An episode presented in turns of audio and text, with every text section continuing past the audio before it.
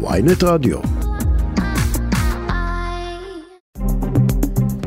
שמונה וארבע דקות, בוקר טוב לקובי נחשוני. בוקר טוב שרון. שלומך? טוב, היום ראש השנה לחסידות, הידעת? אה, כן, קיבלתי הודעת יחסי ציבור, וואי. ש- ש- ש- יום השנה לחסידות. י"ח באלול. אה, לא יודע בדיוק מה זה אומר, נולדו הבעל שם טוב והאדמו"ר הזקן מחב"ד. וטוב, בטח תשתי פה לחיים אחר כך עם אה, שליח חב"ד בוויינט במוני הנדר. אבל נחגוג את זה היום. אה, העורכת שלנו טס גדות, המפיקה יובל כהן, טכנאי השידור עמרי זינגר, ואנחנו מזדרזים להגיד בוקר טוב, עוד מעט, אה, יש לנו לא מעט מרואיינים.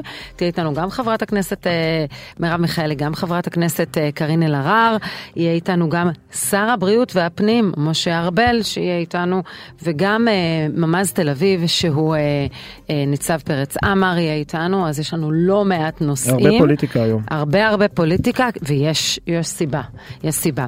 אבל איתנו יושבת ראש מפלגת העבודה, חברת הכנסת מרב מיכאלי, בוקר טוב לך. בוקר אור שרון, אני שומעת אתכם ואני אומרת, יש יותר מדי פוליטיקה בחיים של אזרחיות ואזרחי ישראל, הרבה יותר מדי שנים. אנשים לא מקבלים הזדמנות לחיות את החיים שלהם. לא של הממשלה ולא של אה, הצהרות של הפוליטיקאים ולא של הוויכוחים שלהם, אלא פשוט לחיות את החיים של כל אחד ואחת. ולחיות אותם בכבוד, לעשות עבודה שהמשכורת עליה היא ראויה ולקבל חינוך טוב כמו שצריך לילדות ולילדים, ושאנשים יהיו בטוחים איפה שהם הולכים, לא משנה אם זה בבית ספר, או במרפאה, או ברחוב, ושבכל מקום בארץ זה יהיה נכון. אנחנו שוכחות ושוכחים שזה הבסיס אמור להיות. זה אמור להיות היום-יום שלנו, ואחר כך פעם ב- אמורה להיות איזה תקלה, או איזה אסון טבע, או איזה ויכוח פוליטי גדול, בסדר גמור, אבל זה פשוט מדהים שבמדינת ישראל זה הפך להיות, אמ- אמור, אמור להיות כאילו המומחיות של אנשים, כל היום מתעסק בפוליטיקה. נכון, אנשים מרגישים שהם עמוקה. לוקחים חלק בניהול המדינה, ממש יש תחושה ש, שאנחנו כולנו נושאים לא- בנטל. הלוואי והם היו מרגישים שהם לוקחים חלק בניהול המדינה. הם מרגישים חלק שהם הם מרגישים שהם אה, נאבקים בשביל למנוע את הנזקים מזה שהמדינה לא מנוהלת, אלא כל הזמן רק מתנהלים מאבקי כוח. תגידי, כל הצרות האלה שהזכרת התחילו בשמונה, תשעה חודשים האחרונים? ממש לא, אני, בוא, אני כותבת נגד אה, שלטון הימין בכלל ונגד נתניהו בפרט עוד הרבה לפני שבאתי לפוליטיקה. לא, דיברת על יוקר מחיה, דיברת על ביטחון אישי, הייתה פה ממשלה אחרת לפני פחות אז משנה. יש, אז תראה את המחקר שהתפרסם בשבוע שעבר, נדמה לי, שמראה איך יוקר המחיה נסק במדינת ישראל מ-2015. מי היה ראש ממשלה מאז? רוב המכריע של הזמן. כן, אבל גם בשנת מאוד מאוד 2022, מפורש. בדוח לפחות של ה-OECD, בדוח, אחוז, יש כן, שם כי עליית... אה, כן, כי מחירים. בשנה אחת אי אפשר לשנות אה, מגמה שהיא אה, הולכת שבע שנים אחורנית. לא בשנה אחת אני יכולה להגיד לך את זה כשרת תחבורה. בשנה אחת את לא מתקנת את כל הנזקים שעשו אה, 30 שנה לפנייך. את יכולה להתחיל, את יכולה לעשות הרבה, אבל את לא יכולה לשנות באופן מוחלט את המגמות. אז בואי התשובה ניגש לסוגיות... אה, כן, כן. התשובה לשאלתך, קובי, היא חד משמעית. מדובר בשלטון ימין של כ-45 שנה, עם הפסקה לרבין והפסקונת לברק. מדובר על אה, אדם ספציפי, נתניהו, שעומד בראש הממשלה כמעט 15 שנה ברצף. והנזקים המצטברים שלו הם באמת עצומים.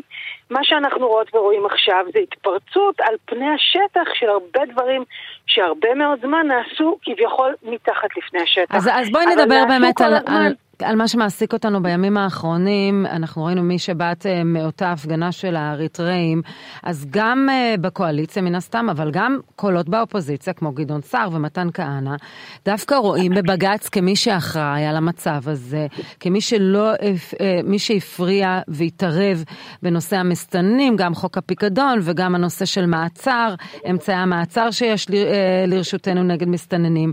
זאת אומרת, הם, הם, הם מסכימים בעניין הזה עם הקואליציה, שלאו דווקא, זה לא, הממשלה לא הצליחה ליישם את המדיניות שלה לאורך שנים. אה, אני הייתי באופוזיציה כשגדעון סער היה שר הפנים ואני נאבקתי בדברים שהוא עשה בעניין המסתננים. המכונים אצלו מסתננים ואצלי מכונים מבקשי מקלט. ואגב, לא משנה אם הם מגיע להם או לא מגיע להם מעמד מבקשי מקלט זה גם כאלה שתומכים בשלטון הנוכחי, אני רוצה? רגע להגיד, אבל זה, זה בדיוק חלק מהעניין. אז קודם כל, זה שגדעון סער מאשים את בג"ץ בעניין הזה, זה לא מחייב אותי. אני אה, מזכירה שגדעון סער נמצא היום יחד איתי באופוזיציה כתוצאה מעיוות שבו אה, בפוליטיקה הישראלית הכל נעשה נתניהו לא נתניהו. אבל מבחינה ערכית אידיאולוגית, מבחינה עניינית... שנייה, רק בסוגריים, הם רואים את זה כי את אומרת לא זהבה, כי את אמרת לא זהבה גלאון, הם לא רואים את זה כנתניהו, לא נתניהו. נמצא, אתם נמצאים באופוזיציה כנראה כי אולי סירבת לחבור למרץ. את יודעת שהטענה הזו גם. אני רוצה לדבר שנייה על מה שקורה באמת. בואי עכשיו רגע, כן. שרון, נדבר על המציאות, בסדר? ובמציאות, מדינת ישראל לא בודקת את, ה, אה, את הבקשות למקלט של המבקשי מקלט האלה. הם נמצאים פה מאז שנתניהו, אגב, כן, נתניהו, חד משמעיים, רובם נכנסו בתקופת נתניהו, והמדיניות היא פשוט לא לבדוק. עכשיו, מה מטומטם בזה? כי אלה שמגיע להם אה, מעמד ואי אפשר לגרש אותם מפה, אז את יודעת מה נעשה הפוך? אלה שלא מגיע להם, אז אפשר היה לגרש אותם. אלה שמגיע להם, אה, אז אפשר היה לתת להם אשרת עבודה ולאפשר להם לפזר אותם בארץ ולתת להם עבודות שבשבילם אנחנו צריכים ידיים עובדות. מדינת ישראל זקוקה לאנשים במסעדנות, בבתי המלון, בסיעוד, כל מיני עבודות שאנחנו צריכות וצריכים בשבילם ידיים עובדות ולהשתמש בהם בצורה אה, ראויה ואנושית שטובה גם לכלכלה הישראלית. כן, אבל, אבל, מה, לא. אבל מה היית אומרת אם היו... ממשלות נתניהו אוסרות עליהם מלחמה באופן שהופך אותם שוב, זה אינטרס שלנו, אני מדברת על האינטרס הישראלי. אבל, אבל נניח שהממשלה... אם הממשלה... עכשיו, רק, רק ברשותך, קובי, כוכבית אחת. מפלגת העבודה הגישה הצעת חוק לטיפול בסוגיית מבקשי המקלט ולשיקום דרום תל אביב. יחד, אני, ההוצאה שאני כתבתי יחד עם אה, חבר הכנסת המנוח משה מזרחי הנהדר. שהיא הצעה סיעתית שלנו שהוגשה בכנסת ה-19, הוגשה בכנסת ה-20, היא מאוד מאוד דומה למתווה שהאו"ם הציע למדינת ישראל ונתניהו קיבל אותו, אבל אז בלחץ הימין הקיצוני המופרע והמשיחי ביטל אותו. אנחנו יכולנו להיות היום במצב הרבה יותר טוב. יש מה לעשות.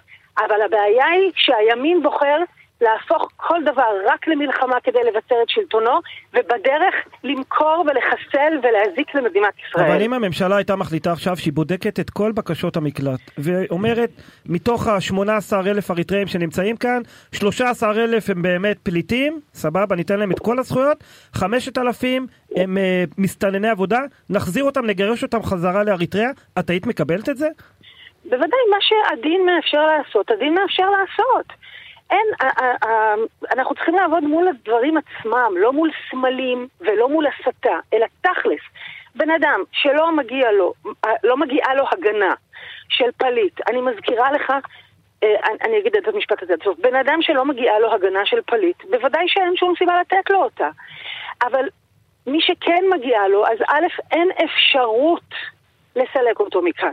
ובואו נזכיר לכולנו שישראל הייתה מהראשונות שחתמו על אמנת הפליטים, וה, אה, ומשפטנים יהודים היו אלה שניסחו אותם. למה? כי אנחנו היינו אחרי מלחמת העולם השנייה, הסתובבו אוניות עם פליטים יהודים, ואף מדינה לא הסכימה לפתוח להם את הדלת. אנחנו הראשונות והראשונים שאמורים להבין את המצב הזה. עכשיו, לא על חשבוננו חס וחלילה, אבל מדובר במספרים זניחים, אנחנו פה עשרה מיליון תושבות ותושבים, אה, אזרח... אזרחיות ואזרחים. אז עשרת אלפים או עשרים אלף איש, זה מה שישנה את המאזן הדמוגרפי של מדינת ישראל? אתם מוכנים רגע להקשיב כן. לעצמכם? כן, אני רוצה לשים נקודה ולנסות להספיק עוד נושא אחד עד שאנחנו מסיימים. מה את חושבת לגבי ביטול אה, כנס המלש"בים שקוראים לו להתגייס בגימנסיה הרצליה, ובעקבות זאת התפטרות פרופסור דגני מהגימנסיה? אני חושבת שזה... פגיעה חמורה בחופש הביטוי. אפשר להיאבק בסרבנות, אפשר להגיד שזה לא לגיטימי, אבל אי אפשר למנוע מאנשים להתבטא ולהיאבק על אמונותיהם. בתוך כותלי בית הספר? אנחנו לא מדברים עוד על האקדמיה, אנחנו מדברים על ילדים שמעצבים את דמותם, הם עוד לפני גיל 18. אם הם הולכים בגיל 18 להילחם בצבא, לסכן את חייהם, הם מספיק טובים בשביל זה, אז הם בפירוש מספיק טובים כדי להביע את דעתם על זה. ובית הספר אמור להיות המקום מספר אחת שמחנך לאזרחות ולדמוקרטיה. כמו שאת מצפה ממנו לחנך לשירות בצבא העם, ואני לגמרי מצפה ממנו לחנך לזה, אני צריכה לחנך אותו לזה שצריך להתמודד עם uh, קשיים ועם דעות אחרות, ועם העובדה שיש פה ילדות וילדים שמבינים שהם עלולים למצוא את עצמם בצבא שמשרת מדינה לא דמוקרטית. אה, מי שרוצה לטמון את ראשו בחול בעניין הזה מוזמן, אבל זה לא ישנה את המציאות. והמציאות היא שהאנשים האלה הם לא ילדים הם הולכים להיות חיילות וחיילים. הם מבינים למה הם הולכים, והם אומרים, אנחנו לא מוכנים לשרת מדינה לא דמוקרטית. ואם המערכת שלנו לא מוכנה לשאת את זה ולסבול את זה במסגרת חופש הביטוי, זה רק מוכיח שהדמוקרטיה שלנו סופגת עוד מכה. חברת הכנסת מרב מיכאלי, יושבת ראש מפלגת העבודה, תודה רבה לך. בוקר טוב. אנחנו אומרים בוקר טוב לשר הפנים והבריאות, משה ארבל, ש"ס, שלום לך. שלום לכם, בוקר טוב למאזינים. תגיד, קודם כל, גם כמשפטן, גם כפוליטיקאי, אולי תפתור לנו סוף סוף את הפלונטר. מי אשם במחדל בדרום תל אביב, בג"ץ או הממשלה? אה, הכל עניין של פוזיציה, ואני לא אובייקטיבי כדי לענות לך בצורה טובה. אתה לא. בפוזיציה? נו, תן לנו משהו. לא, אבל אני, אין ספק שהאירוע המתגלגל הזה הוא אירוע שיש uh, אחראים רבים לו, ואני חושב שבאמת אנחנו נצא רגע מהפוזיציה ונסתכל על זה רגע בעין אובייקטיבית. אז uh, יש אחריות משותפת לכולם, גם אם בית המשפט פוסל במשך שלוש פעמים חוקים של הכנסת שעוסקים בנושא הזה, uh, עדיין uh, עם הסמכות באה האחריות, יש אחריות גם למקבלי ההחלטות, גם לחברי הממשלה. Uh, לצד זה, uh, גם בית המשפט לא יכול uh, לרחוץ את כפיו בניקיון, יש לו אחריות, והוא צריך איזו אחריות ל... יש לבית המשפט בעיניך באירועים שהיו בפסילת חוק המסתננים וחוק הפיקדון? אני, אני אדבר באופן כללי על מצבנו. לשמחתי הרבה, מדינת ישראל, בהחלטה אמיצה של ראש הממשלה שהייתה אז באמת מעוררת מחלוקת בזמן אמת, לבנות את הגדר שעלתה מיליארדי שקלים בדרום. בין ישראל למצרים. ההחלטה האמיצה הזו אה, הצילה את מדינת ישראל כפשוטו. אה, אחרת, אה, במדינות שיש בהן תמ"ג ותל"ג של 2,000 דולר לנפש לשנה, באופן טבעי יש מוטיבציה אדירה להגיע למדינות מתפתחות, והמדינה היחידה שאפשר להגיע אליה, שנחשבת באמת מדינה מתקדמת, מדינה מערבית, זו מדינת ישראל, שיכולים להגיע אליה פשוט ברגל. והגדר בגבול מצרים עצרה. יצרה שטף אדיר של מסתננים. אז אתמול לקחת חלק בדיון החשוב בעניין המסתננים. באילו פתרונות וצעדים אתם עומדים אה, להביא על מנת אה, למנוע, בכל זאת להתמודד עם אותם 17 אלף שנמצאים כאן כרגע, ו- ואין לנו כרגע אמצעים כדי לגרש אותם, אולי יש, אבל תשתף אותנו בצעדים. אז אה, ראשית, קודם כל, אה, בעניינם של אה, אה, המתפרעים. המתפרעים אה, באופן מיידי, בסיכום עם פרקליטות המדינה, יועברו מהמעצר הפלילי שלהם אה, עם סיומו למעצר מינהלי, כאשר המעצר המינהלי לא דורש אה, אה, בעצם את רף הראיות הפליליות, ואנחנו בעצם נפעל כדי לקדם את הגירוש שלהם. לא יכול להיות מצב, מדינה ריבונית לא יכולה להסכים למציאות שבה יש פורעים, שחלקם אגב גם תומכי משטר, שזה אבסורד, הם, מגישים מצד אחד בקשה לפליטות, ומנגד, לצד הבקשה לפליטות שהם מגישים, הם uh, טוענים שהם נרדפים במדינתם, mm-hmm. uh, והם תומכים באותו משטר. המציאות הזו היא מציאות מעוותת. Uh, לצד המציאות הזו אנחנו כמובן נפעל לעידוד יציאה מרצון. לשמחתי הרבה, המספרים של יציאה מרצון הם מספרים משביעי, באמת משביעי רצון מבחינתנו. Uh, 2,200 יצאו מרצון מתחילת השנה. אה, זה עלה כסף, אה, התקציב אה, של משרד הפנים בנושא הזה נגמר, לשמחתי הרבה התגייס השר וסרלאוף ותרם, אפשר לומר, מתקציב משרדו לרשות האוכלוסין וההגירה 20 מיליון שקלים כדי להשלים השנה שנסיים את 2023 בלמעלה משלושת אלפים יוצאים מרצון. אה, זה פתרון טוב, הוא גם אה, מסדר להם מעמד אל מול המדינות הקולטות, למשל קנדה שקלטה אה, רבים אבל, מאוד. אבל השר ארבל, מה עם הבסיס? אתה דיברת על סמכות ואחריות גם שלכם, הפוליטיקאים, הממשלה. אתה כשר פנים, אולי החטא הקדמון זה שלא דנים ולא דנו בבקשות המקלט שלהם. וכך נוצר מצב שיש פה 18 אלף, שאתה לא יודע מי הוא באמת פליט, ומי הוא איזה מסתנן ושתול של המשטר שם. אולי זה מתחיל בלסנן אותם ולהבדיל ביניהם, ולגרש את מי שמגרש ולקלוט את מי שאפשר לקלוט. אז אני יודע לומר שאני בפרק הזמן הקצר שאני מכהן כשר הפנים אה, חתמתי גם על בקשות אגב שהכירו בבקשות פליטות, היו כאלה, בהחלט, אנחנו מדינה יהודית קודם כל, שרואה בני אדם, ויש אנשים שצריך להציל להם את החיים, כי הם באמת בסכנת חיים מיידית ואמיתית. אתה יכול לדבר איתנו במספרים? כמה אושרו? אה, מעט מאוד, מעט מאוד, וזה נובע מסיבה מאוד פשוטה. מחסור אדיר בכוח אדם, כאשר המציאות היא כיום, אה, אה, שביחידות הללו שחוקרות ומבצעות את החקירה, נדרשים אנשים בעלי מיומנות, בעלי ידע בשפות. אבל דווקא אתה כבולדוזר, אתה הוכחת לא, לא, שאתה יכול להפיק דרכונים לכל אזרחי ישראל ולפתוח לשכות מיוחדות. אני רק רוצה לסבר את האוזן. השכר הוא בממוצע של 6,500 שקל בחודש. אנשים עם ידע ויכולות לא מגיעים לתפקידים האלה. אה, וכן פנינו אה, גם אה, לממונה על השכר באוצר, גם לשר האוצר, בכדי שגם יאשרו לנו לשלם שכר נורמלי וראוי לאנשים שבאמת עושים עבודה מאוד קשה, וגם שיוסיפו לנו את התקציב. בלי התוספות התקציביות הללו זה לא יקרה. אני באמת במובן מסוים שמח שהגענו עד הלום, אי אפשר לומר שמח כאשר שוטר נפצע קשה במאורות דמים כאלה, אבל שהבעיה הזו מוצפת, גם שר האוצר מבין שהמציאות הנוכחית היא לא יכולה להימשך. וגם בישיבה אתמול זה עלה. זה עלה, דרך אגב, עלה גם באמת אותם ציטוטים שהובאו ב-12 על, על uh, הצעה של בן גביר להעביר אותם לצפון תל אביב, או של יריב לוין לנסות לאתגר את בג"ץ בעניין. איך אתה הרגשת עם האמירות הללו? Uh, זה היה כנראה בשלב שבו יצאתי uh, להכין לי קפה. הבנתי איזה התחבקות אלגנטית. טוב, אני, אני רוצה לדבר איתך על, uh, כמשפטן. ומגדירים אותך כמשפטן מבריק אפילו. מה אתה חושב של, על העמדה של היועצת המשפטית לממשלה, שלמעשה מורה לשופטי בג"ץ לפסול את uh, ביטול עילת הסבירות, וגם את העובדה שהיא לא שיתפה את הממשלה בהחלטה הזו, וכנראה חברי הממשלה שמעו עליה ביחד איתנו? אני uh, מצר על זה מאוד משתי סיבות. קודם כל, בתווך הרגיש מאוד בין אה, ייעוץ משפטי לממשלה, כן, היועצת המשפטית לממשלה בנוסף להיות היועצת המשפטית לממשלה היא גם אה, נאמן הציבור, אבל בסופו של דבר היא אמורה לייצג את הממשלה על נבחריה, אה, ותמיד יש את הרצו ושוב, את התהליך המורכב הזה בין האינטרס הציבורי, מה שנקרא, לבין האינטרס הציבורי כפי שמשוקף על ידי ממשלה נבחרת, שהציבור בעצם על ידי נבחריו בכנסת בחר באותה ממשלה.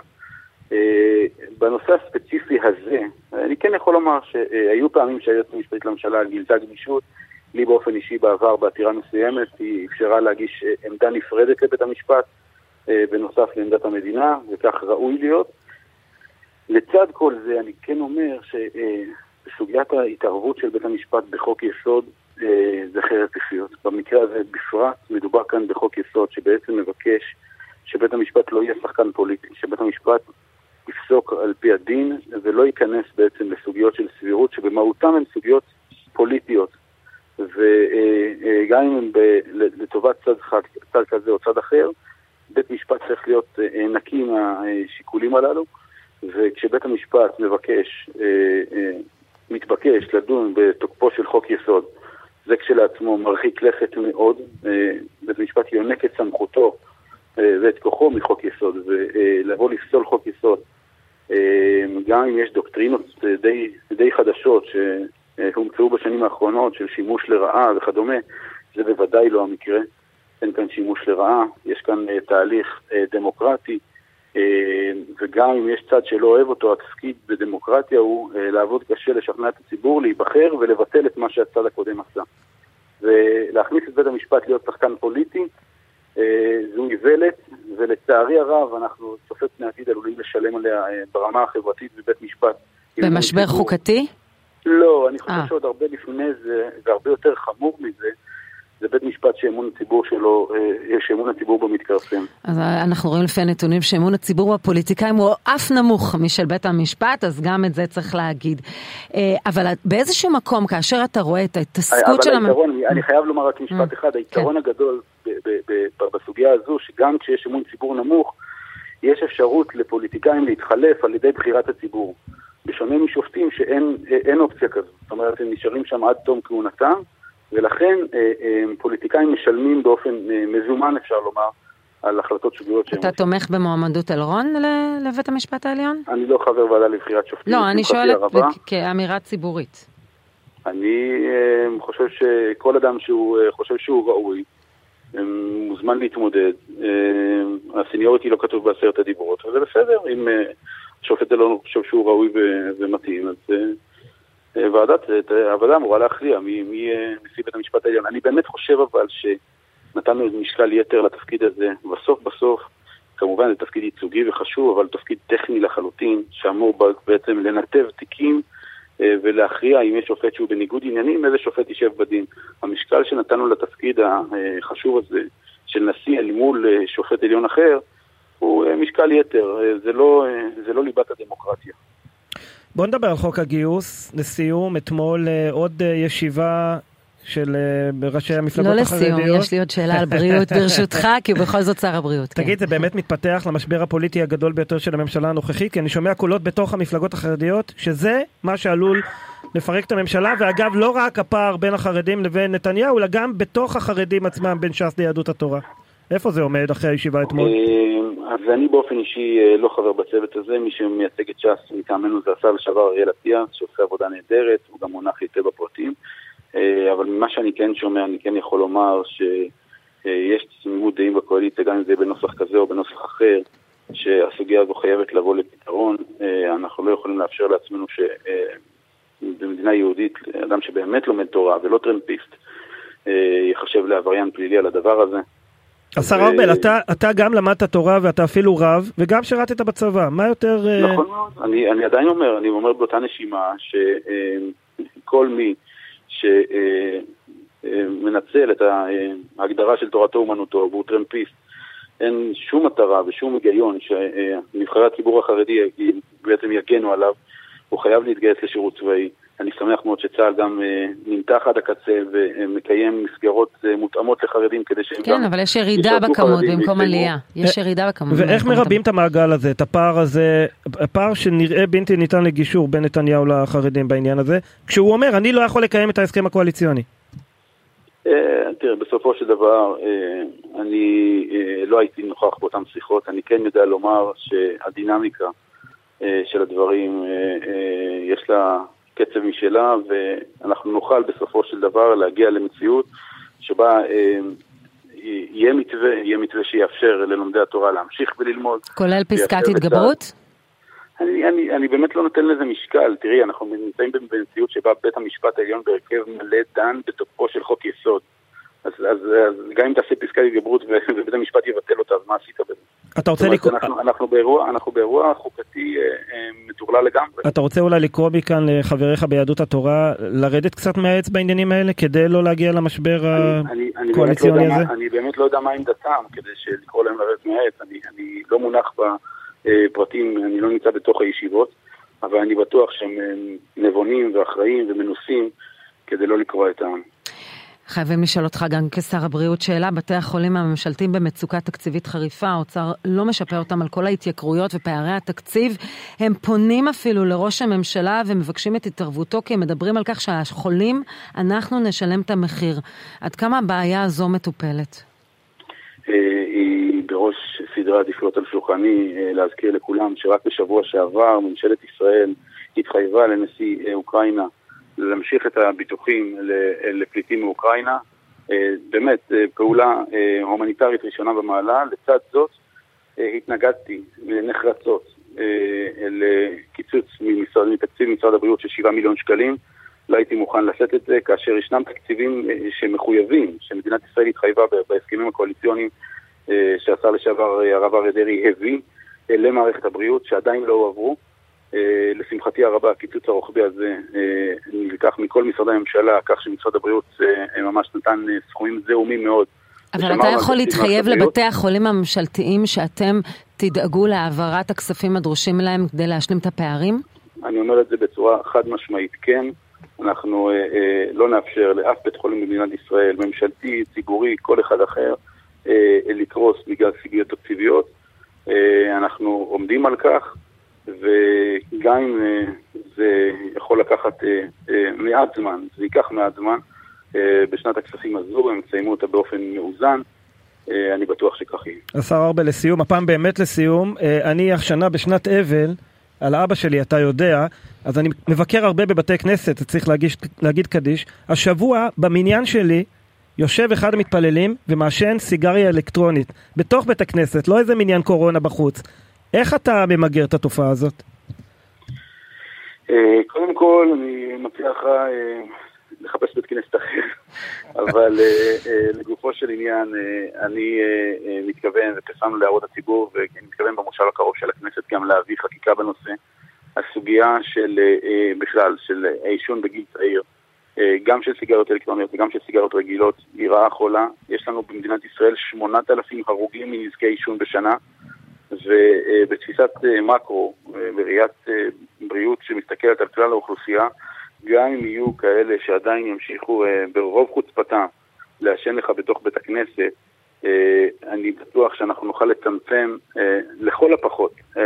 ההערכות שלנו במשרד הבריאות זה יותר, אבל אני אומר, גם אם צמצמנו באלף בני אדם בשנה וירדנו לשבעת אלפים הרוגים, אני חושב שזה הישג אדיר. לא, אבל גם מחוץ לבית הכנסת, אתה רוצה להגביל את זה לגיל 21. אני מבקש, אני מבקש לא, אתה רוצה מצב, אתה רואה מצב שחיילי צה"ל לא יכולים לעשן? אתה יודע, ילד בן 17 אני מבין. חייל בצבא בפינת עישון לא יוכל לעשן מהיום סיגריה אלקטרונית לפי התוכנית שלך?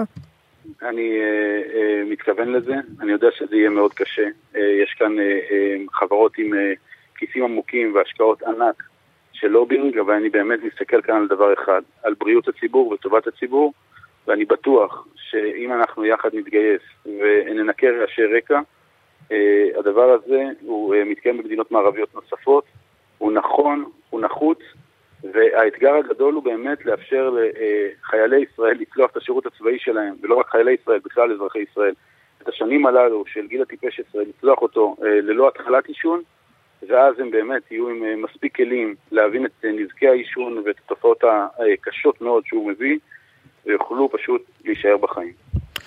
שר הפנים והבריאות משה ארבל מש"ס, תודה, בוקר טוב. תודה רבה לך. תודה לכם, שלום שלום.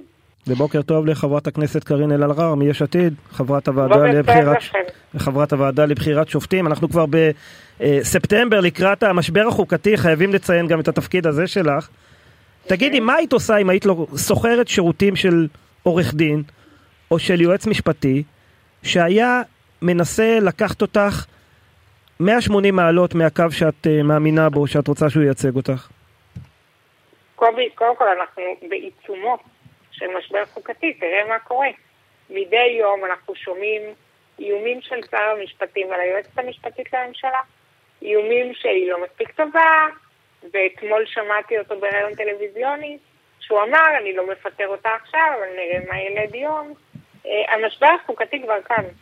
העובדה שהוא לא יודע להתחייב שהוא יכבד את פסיקת בית המשפט העליון, העובדה שהוא מועל בתפקיד שלו, לא מכנס את הוועדה לבחירת שופטים, אני לא מכירה הגדרה אחרת מעבר למשבר חוקתי. אבל איך את מרגישה עם העובדה, ש... רגע, זהו, עם העובדה שהיועצת המשפטית לממשלה, היא, היא עצמה קוראת לבית המשפט העליון לפסול חוק, אה, לא רק שהיא לא מסרבת לייצג, אלא גם אה, מציגה עמדה די קיצונית, שבה היא אומרת, בג"ץ תבטלו את החוק הזה. האם, האם היא הלכה צעד אחד רחוק מדי? אני כופרת באמירה שהיא מציגה עמדה קיצונית. צריך להבחין בין יועצים משפטיים פרטיים, שהם, את יודעת, הם מייצגים את עמדת הלקוח ויהי מה, לכן משלמים להם. לעומת זאת, יועצת משפטית לממשלה היא שומרת סף. יש לה מחויבות לייצג את האינטרס הציבורי הכללי, לא את האינטרס הציבורי של הממשלה. עכשיו, הממשלה הזאת, מרגע הקמתה, היא דואגת לעצמה. היא רוצה עוד סמכויות, היא רוצה להיות זאת שממנה ומפטרת על בסיס שיקולים לא ענייניים, והיא גם רוצה שהיועצת המשפטית לממשלה תהיה היסמנית שלה. זה דבר שלא יכול לקרות במדינה מתוקנת. זה דבר שלא יכול לקרות במדינה שבה יש שלטון חוק. עכשיו תראי, היא, היא הייתה מאוד הגונה, אמרה להם את הדברים מההתחלה. היא לא שינתה את עמדתה, היא אמרה את הדברים, אגב, לא על בסיס גחמה אישית, היא אמרה אותם על בסיס הדין, החוק והפסיקה. העובדה שהממשלה הזאת פשוט ירדה מהפסים לא משליכה על היועצת המשפטית לממשלה. אבל נניח העובדה שהיא לא מעדכנת אותם, לפחות לפי פרסום בכאן, הם למדו על זה מהתקשורת בדיוק כמונו. אם היא אכן יועצת, וגם אם היא מתנגדת לעמדתם, לא היה מקום לעדכן אותם שהיא עומדת לפרסם את חוות הדעת הזו? אני לא יודעת מתי עדכנה אותם. שרון, אני אומרת לך, שאני רואה את ההתנהלות של שר המשפטים, של שר אה, הביטחון הלאומי, של ראש הממשלה, שאת יודעת איך הם התחילו את מערכת היחסים איתה? הם לא הזמינו אותה לישיבת הממשלה הראשונה. אני מאוד מתקשה להאמין לסיפור הזה שהיא לא עדכנה אותם. אה, את יודעת, העובדה שהם מנהלים את השיח באמצעות מכתבים, במקום לשבת איתה בחדר, את יודעת שהשר לא נפגש איתה? למעט בישיבות ממשלה? כך פורסם, כן? לא אני אומרת. אז אני, באמת, אני באה ואומרת, בסופו של דבר, היא יועצת משפטית לממשלה שמייצגת אינטרס של הציבור כולו, לא רק הציבור שבחר בממשלה הזאת. ואם את שואלת אותי, אני אומרת לך, הם אפילו לא מייצגים את הבוחרים שלהם. הם מייצגים את האינטרס הצר שלהם עצמם. הרי מה, בואי תראי מה, מה הם עושים. הם ממנים ומפטרים על פי, את יודעת, מי יעבוד אצלי בצורה מלאה? מי לא יגיד לי לא? אבל נניח בוא נבחן את נושא שיטת הסניוריטי. איפה הבעיה על פניה? על פניה, תכף נדון בהקשר של אלרון. לא לדבוק בנוהג על פיו תאריך הלידה, זה מה שקובע מי יהיה נשיא בית המשפט העליון הבא. אני אסביר. בעיקרון, אה, העובדה שהם לא צריכים לשאת חן בעיני אה, הגורם הממנה.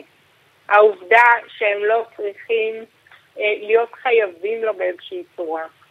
היא קובעת, היא בעצם מייצרת בית משפט שהוא הרבה יותר מקצועי, שהשיקול שייבחן בו הוא השיקול של א', הניסיון, ב', העובדה שבסוף בית המשפט יפעל בהרמוניה.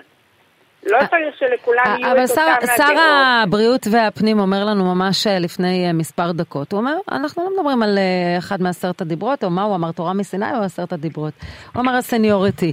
זה לא, אוקיי, עכשיו מקדשים את זה, כל דקה יש משהו אחר קדוש. השאלה אם הדבר הזה קדוש, או משום שאתם מרגישים שיש כאן איזו התערבות של יריב לוין, שאולי היה שמח, למרות שהוא מכחיש, לקדם את אלרון על פני יצחק עמית. אני לא יודעת. אם היוזמה הייתה של השר, או היוזמה האמיתית הייתה של השופט. זה גם לא כזה משנה. העובדה היא שבמשך 75 שנים אה, אנחנו התנהלנו על פי השיטה הזאת. העובדה היא שרוב המדינות הדמוקרטיות המערביות המתוקנות פועלות על פי השיטה הזאת, מאפשרת לנו שיהיה לנו בית משפט שהוא לגמרי עצמאי, שהוא לא נתון לחסדיו של הגורם הממנה, של הפוליטיקאים, הרי זה כל מה שאנחנו צועקים עליו.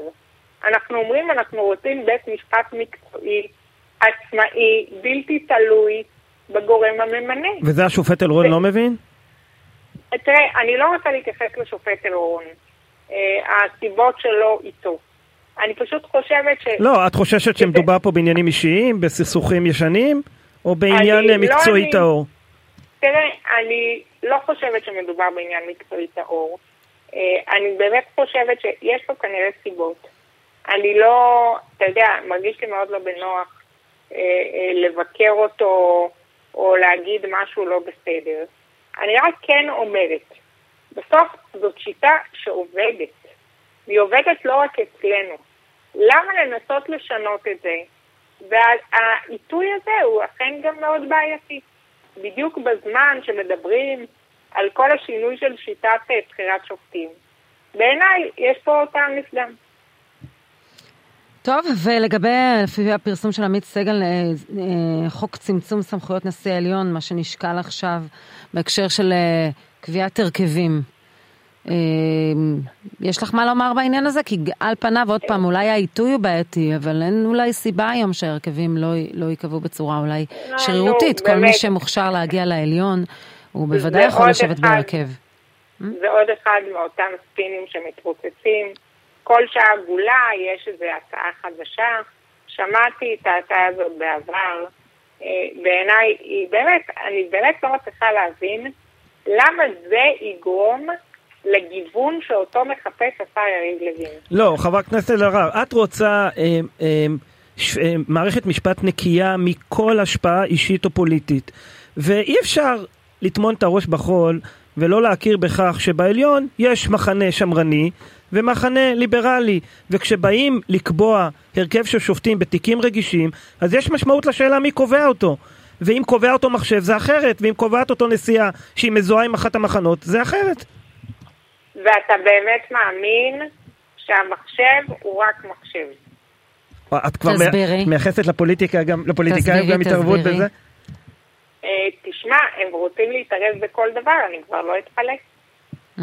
את אומרת גם כאן תהיה מניפולציה כלשהי? תראו, זה, זה, אני חייבת להודות שזה מרגיש כאילו הם מנסים את כל הדרכים שיובילו אותם לאותה תוצאה. והתוצאה היא שהפוליטיקאים ישלטו לא רק בממשלה, לא רק אה, באזרחים, לא רק בכנסת, אלא מעכשיו גם בבתי המשפט. לס... לא לסיום את ההתייחסות שלך, גם חברים, ב... גם uh, חברי הקואליציה מן הסתם, אבל גם באופוזיציה יש קולות שאומרים, אמר אצלנו אתמול גדעון סער, על כך כי גם לבג"ץ יש אחריות על מצב המסתננים ב- בישראל. עד כמה את רואה את העובדה שבג"ץ פסל מספר פעמים חוקים שהיו קריטיים להתמודדות עם המסתננים כאחראי למצב? תראי, א', באופן עקרוני, אה, אני יודעת לומר, אני לא תמיד מסכימה עם כל פסיקה של בית המשפט. אני מכבדת אותה, אני לא מסכימה איתה. עכשיו לעניין המסתננים, היו הצעות שמה לעשות, לא עומדות בקנה אחד עם הדין הבינלאומי. אם ישראל רוצה להיות שייכת לחבר המדינות הנאורות, הדמוקרטיות, המתוקנות, היא צריכה לעמוד גם אה, בדין הבינלאומי. עכשיו, ההצעות שעלו היו הצעות שלא תואמות. הייתה הצעה, היה מתווה, שהביא אפילו ראש הממשלה נתניהו, שהוא חזר בו בתוך 24 שעות. יש גבול לכמה אפשר להאשים את בית המשפט, שעושה את התפקיד שלו, פועל על פי הדין, על פי המשפט הבינלאומי, על פי החוק הקיים במדינת ישראל, ועל פי הפסיקה אה, האחרונה. ובמקום להאשים את הממשלה, שהיא זו שאמורה להתוות את המדיניות, הייתה הצעה באמת, שאתה, אני לא מצביעת נתניהו, אבל הייתה הצעה טובה, הייתה מסוכמת עם האו"ם, הודיעה עליה במסיבת עיתונאים ברוב הוד והדר, חזר בו בחלוף 24 שעות. אז במקום להאשים את נתניהו, הרבה יותר קל להשתלח בבית המשפט. זה היה דף המסרים בסוף שבוע. אני מציעה קצת הסתכלות, קצת ביקורתיות כלפי עצמם, להבין איפה הם טעו. לא תמיד צריך להאשים מישהו אחר. אני יודעת כן. שזו באמת דרכה של הממשלה המכהנת להאשים את כולם, מהתקשורת ועד בג"ץ. אבל את יודעת, כן. לפעמים האשמה אצל מישהו אחר. חברת הכנסת קארין אלהרר, יש עתיד, חברה בוועדה לבחירת שופטים, תודה רבה לך. תודה רבה, יום טוב. לירן לוי, כתב המשטרה של ynet ידיעות אחרונות, שלום לך. בוקר טוב. אנחנו uh, מתייחסים והתייחסנו לא, לאירועים בשבת, לאירועי ההפגנות של האריתראים, והכותרת שלך היום, uh, שיש דאגה לגבי ההיערכות של המשטרה באירוע הזה, כאולי צעד uh, והתמודדות עם אירועים הבאים, אירועים גדולים, כדוגמת uh, שומר חומות, כאשר אנחנו רואים באמת את היכולת של, של המשטרה להתפרס באירועים מהסוג הזה, כשהם הופכים להיות אלימים. כן, צריך להגיד, צריך לומר, אנחנו כבר uh, תקופה ארוכה, כבר כמה שנים, מדברים על הנושא של uh, ההתפטרויות, גל ההתפטרויות במשטרה, כוח האדם במשטרה שהולך ומדלדל, והמצוקה האמיתית שהמשטרה נכנסה אליה בהקשר הזה. גם מפכ"ל המשטרה, יעקב שבתאי, אמר את זה בעצמו uh, בכנסת, הוא אמר דברים לפני כמה חודשים, דברים uh, uh, קשים מאוד, שהמשטרה לא תצליח להגיע לאירועי רצח ולאירועי אונס uh, uh, ולתת את השירות, לה, uh, את השירות המשטרתי הבסיסי. לאזרחים בזמן, והדברים האלה כאילו, כאילו עברו, כאילו אנחנו לא מפנימים בציבור מה זאת אומרת שיש לנו אה, משטרה קטנה קטנה מאוד, כי בכל פעם שיש אירוע והמשטרה מתקשה להתמודד איתו, או שלוקח לה זמן עד שהיא מתמודדת איתו, אנחנו מתפלאים ואומרים איך זה יכול להיות. איך זה יכול להיות? הכל מתחיל אה, מבעיית הבסיס. כמובן שיש עוד דברים, זה לא רק עניין כוח האדם, אבל שרון, כשיש לך במוצאי שבת, מדי מוצאי שבת, במשך 30, למעלה מ-30 שבועות, הפגנה אה, בקפלן. אה, שנערכת, וצריך לאבטח אותה, כי זה, זה, זה לא איזה מתחם קטן, זה אזור גדול, ואתה חייב לאבטח אותה ולסגור את הכל מחשש להתראות אה, פח"ע, ולהשתמש ב-700, 800, 900 שוטרים, אתה לא יכול, כשאין לך כוח אדם, וזה הסד"כ שלך, זה סדר גודל הכוחות שלך, אתה לא יכול לקחת את השוטרים האלה כבר מיום שבת בשעה 7, 8, 9 בבוקר, ולש... משעה, ש... כאמור, השעה הזאת ביום שבת בבוקר, עד ל-11-12 בלילה, כשמסתיימת ההפגנה בקפלן, כשמדברים על יום שבת, כן? השוטרים עובדים גם במהלך אה, אה, יתר השבוע. אה, אם היה נתן לנו משטרה יותר גדולה שמתאימה בעצם לגודל האוכלוסייה, אז לא הייתה בעיה לנתב את כוח האדם. כשיש לך כוח אדם מאוד מאוד מצומצם, את צריכה לראות איך את מנהלת אותו. ועוד דבר אחד שאני חייב להגיד, אנחנו שמענו הרבה אה, אה, קולות וביקורת על אה, מפקד המחוז פרץ עמר. זה נורא קל ללכת ולבקר את מפקד המחוז, וכשמגיע למפקד המחוז ביקורת אנחנו גם יודעים לעשות את זה. רק שכאן, בסיפור הזה, אני ככתב משטרה, אם אני צריך רגע לנסות להבין איפה הכשל, איפה הייתה הבעיה, אני דווקא לא הולך למפקד המחוז, אני דווקא יורד רגע רמה אחת מתחת למפקד המרחב. מפקד מרחב איילון, אה, חיים בובליל, תת ניצב חיים בובליל, שזה לא מרחב חדש עבורו, הוא אה, אה, ותיק במרחב הזה באופן יחסי, והוא מכיר את ההתפרעויות שיש אגב מדי שנה שרון. זה קורה כל שנה, לא ככה, כן, לא בעוצמות האלה זה נכון, אבל מדי שנה יש קטטות רחוב. ואגב, לא רק זה, אנחנו בכלל בשוטף, מי שילך לדרום תל אביב, ואתמול הייתי בדרום תל אביב בביקור של השר בן גביר, 100 מטר, ב, 100 מטר מבן גביר אני רואה נרקומן על הרצפה שיושב ומזריק לעצמו באמצע היום לאור יום, כשילדים עוברים שם, כשאנשים עוברים שם. אז אה, אה, איבדנו את דרום תל אביב לגמרי, אה, שוב, לא רק המשטרה פה אשמה במצב הזה או אחראית למצב הזה, בטח לא המשטרה אחראית למצב שבו דרום תל אביב נמצא, זה בעיה מדינתית, אבל אין ספק שאנחנו רואים שהמשטרה צריכה להתמודד עם בעיה שכבר נוצרת, היא מתקשה מאוד. עכשיו, תארו לכם, מה, ראינו את היום מה שהיה ביום שבת. אה, וזה כמעט, כמעט, זלג, אה, כבר התחילו לדבר על זה שזה מגיע לאזור רוטשילד. תארו לכם מה קורה בזה כשהיה מודיעין, כשאין בכלל מודיעין, כמו בשומר חומות, בפרעות, בערים המעורבות, שבשנייה השטח נדלק בכמה עשרות מוקדים ברחבי הארץ, בערים המעורבות עם התנגשויות אלימות, והמשטרה אומרת שההתנגשויות יהיו אלימות, אלימות מאוד בשומר חומות הבא. אני לא רוצה, אם אני מסתכל על מה שהיה ביום שבת, אני לא רוצה לדעת מה, מה, מה יקרה בעתיד במצב כזה. אנחנו, לסיכום, חייבים לחזק את המשטרה, להגדיל את המשטרה באופן משמעותי, ולא כמס שפתיים, להגדיל את המשכורות של השוטרים, כי אף אחד, אף אדם איכותי לא ירצה לבוא להיות שוטר היום במשכורות שנותנים. השר לביטחון לאומי מתהדר בכמה מאות שקלים שהתווספו, אבל כנראה שזה לא מספיק. אני רוצה לעג לרש. כן, כן. אני רוצה ברשותך לצרף לשיחה הזו את ניצב פרץ עמר, מפקד מחוז תל אביב. שלום לך. שלום, בוקר טוב. קודם כל בהצלחה בתפקיד, לאחרונה אה, פגשנו אותך במחוז הדרומי וקיבלת אתגר מאוד מאוד לא פשוט, אירועי השבת האחרונה בהפגנת האריתראים. אתה שלם עם הדרך שבה הייתם ערוכים לאירוע? אה, קודם כל אני מודה לך על איחולי הצלחה. דבר שני, אה, כש, כשמסתכלים מה, מה זה היערכות לאירוע, צריך להסתכל על כל המשתנים שבו. אי אפשר לבוא ולהסתכל על אירוע מסוים מסוים, מסוים ולהגיד היו איקס שוטרים, לא, היו צריכים להיות וואי שוטרים. אבל אני צריך להגיד שבסוף כולנו מבינים שלדבר הזה צריך להיערך בעבודת מטה סדורה.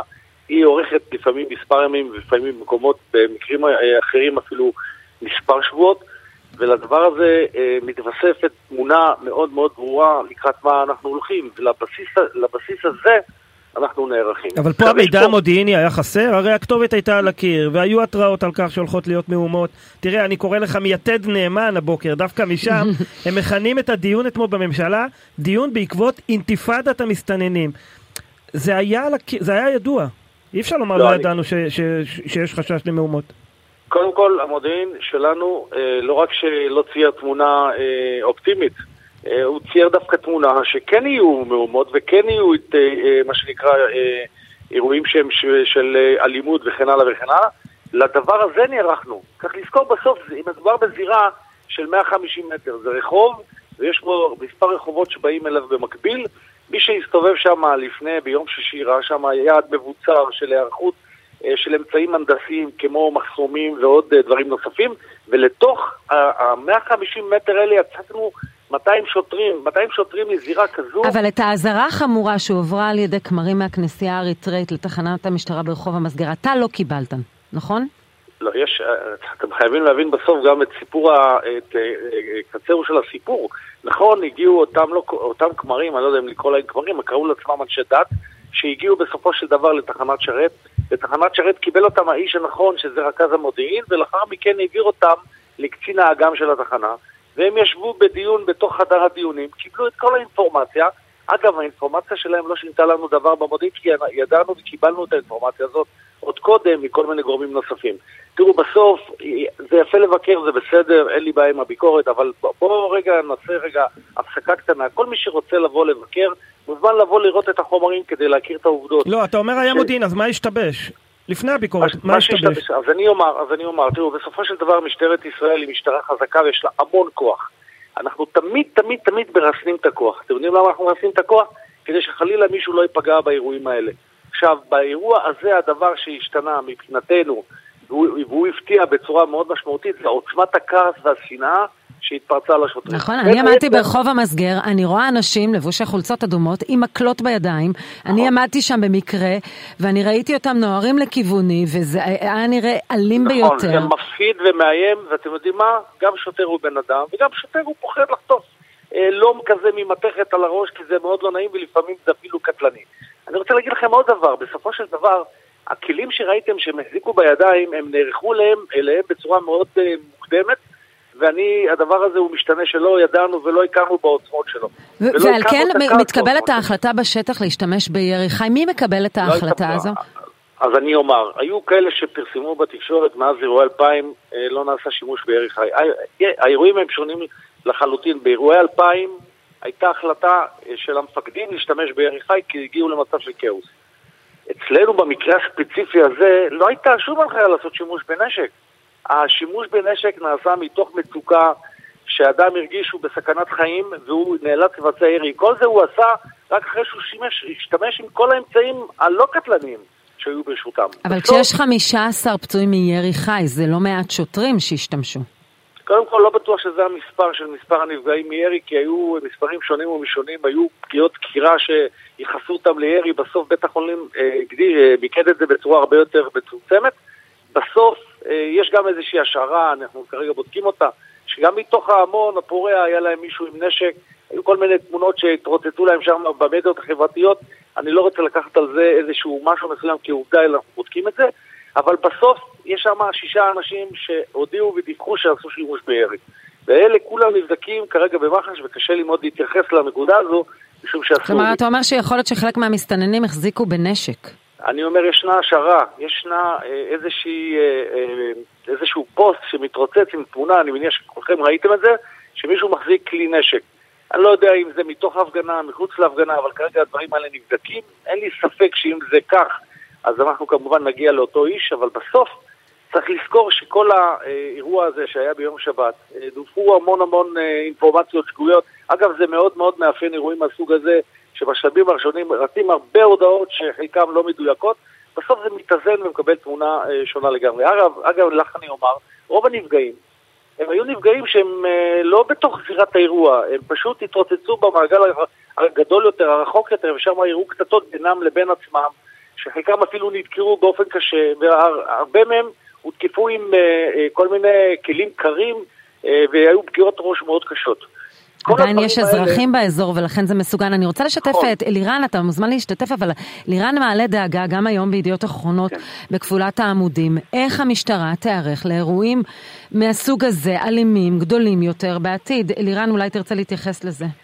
כן, אני רציתי לשאול אותך, מפקד המחוז, אה, אנחנו יודעים שיש הערכות אה, משטרתיות אה, מודיעיניות ששומר חומות 2 זה לא אם אלא מתי, וכשזה יפרוץ זה יפרוץ בהיקפים הרבה יותר אלימים. האם אתה יכול היום להגיד לאנשים שגרים בתל אביב, במחוז שאתה מפקד עליו, שאם, לא שאם, שכאשר יפרצו הפרעות ביפו, וגם אם נפרצו באופן אה, ספונטני, כמו שהיה בפעם הקודמת, המשטרה תדע להתחיל את זה ולטפל בזה מהר מאוד, כי ממה שידוע לי זה לא המצב.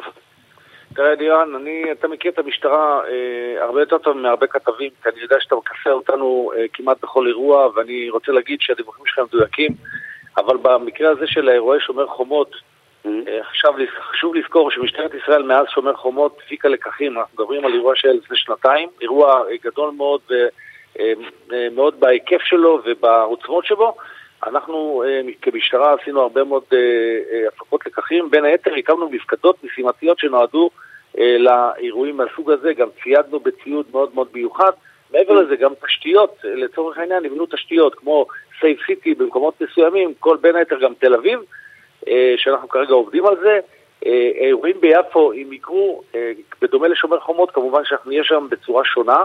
עם כל מה שאמרתי כרגע מבחינת הפקת לקחים, זה התעצמות באמצעים, בנייה של מפקדות מתורגלות שמבינות אירועים מהסוג הזה ויודעים לתת לזה פתרון.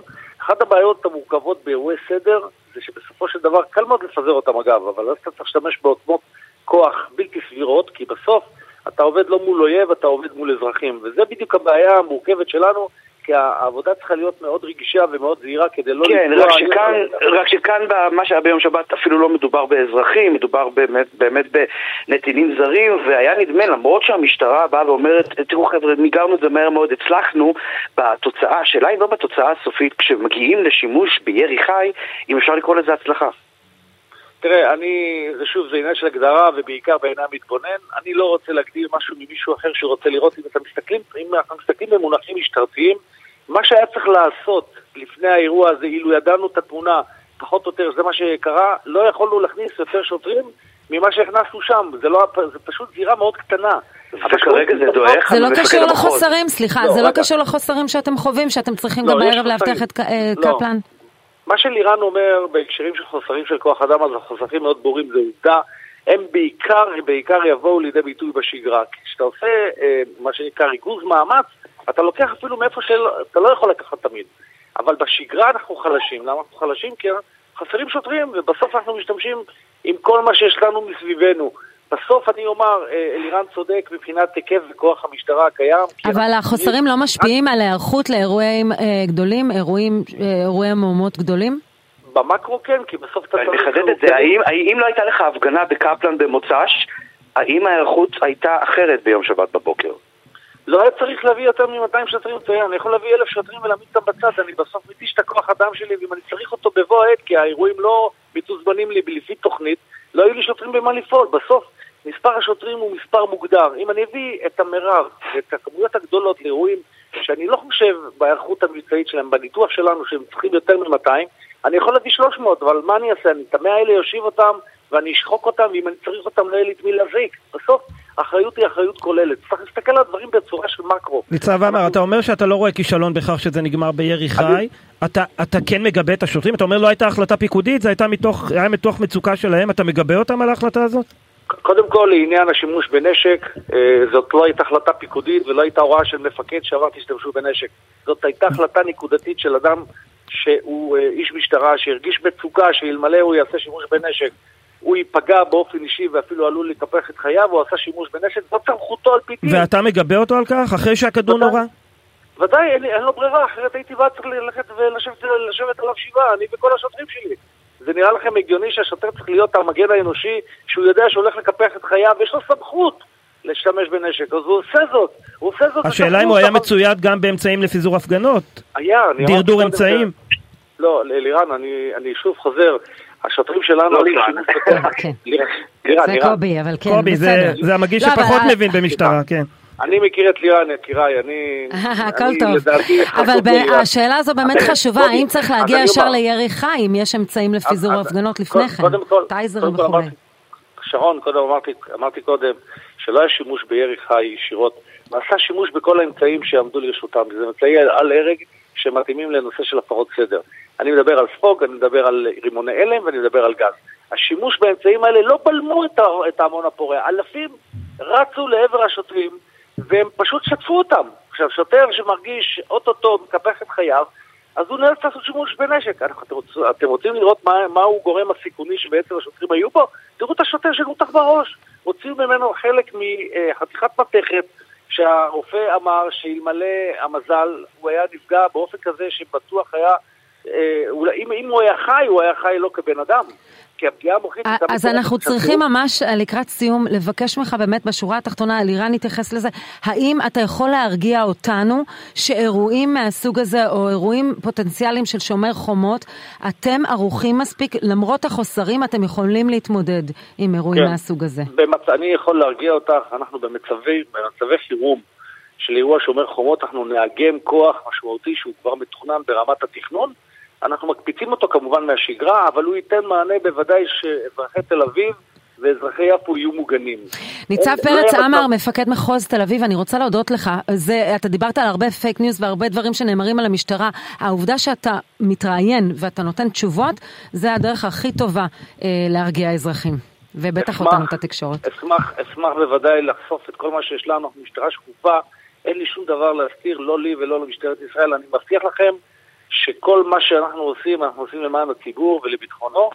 אנחנו נכון עם מעט שוטרים, עם פחות שוטרים ממה שאנחנו רוצים, אנחנו מקווים שבשבועות הקרובים כן יתגייסו אלינו ונהיה הרבה יותר חזקים, ותודה לכם שאתם מסקרים אותנו. תודה רבה לך, מפקד אה, ה- מחוז תל אביב, ניצב פרמה- אה, פרץ עמר, תודה רבה לך. לירן לוי, תודה רבה לך. רבה. תודה וחשוב רבה לכם. לקרוא היום את מה שאתה פורס היום בידיעות אחרונות על ההיערכות של המשטרה, תודה. אה, אנחנו נודה גם לצוות שלנו, לטס גדות, למפיקה יובל כהן, לטכנאי השידור עמרי זינגר. קובי נחשוני, תודה רבה. הרבה כותרות הבוקר. הרבה. כותרות הבוקר. תודה רבה לכם.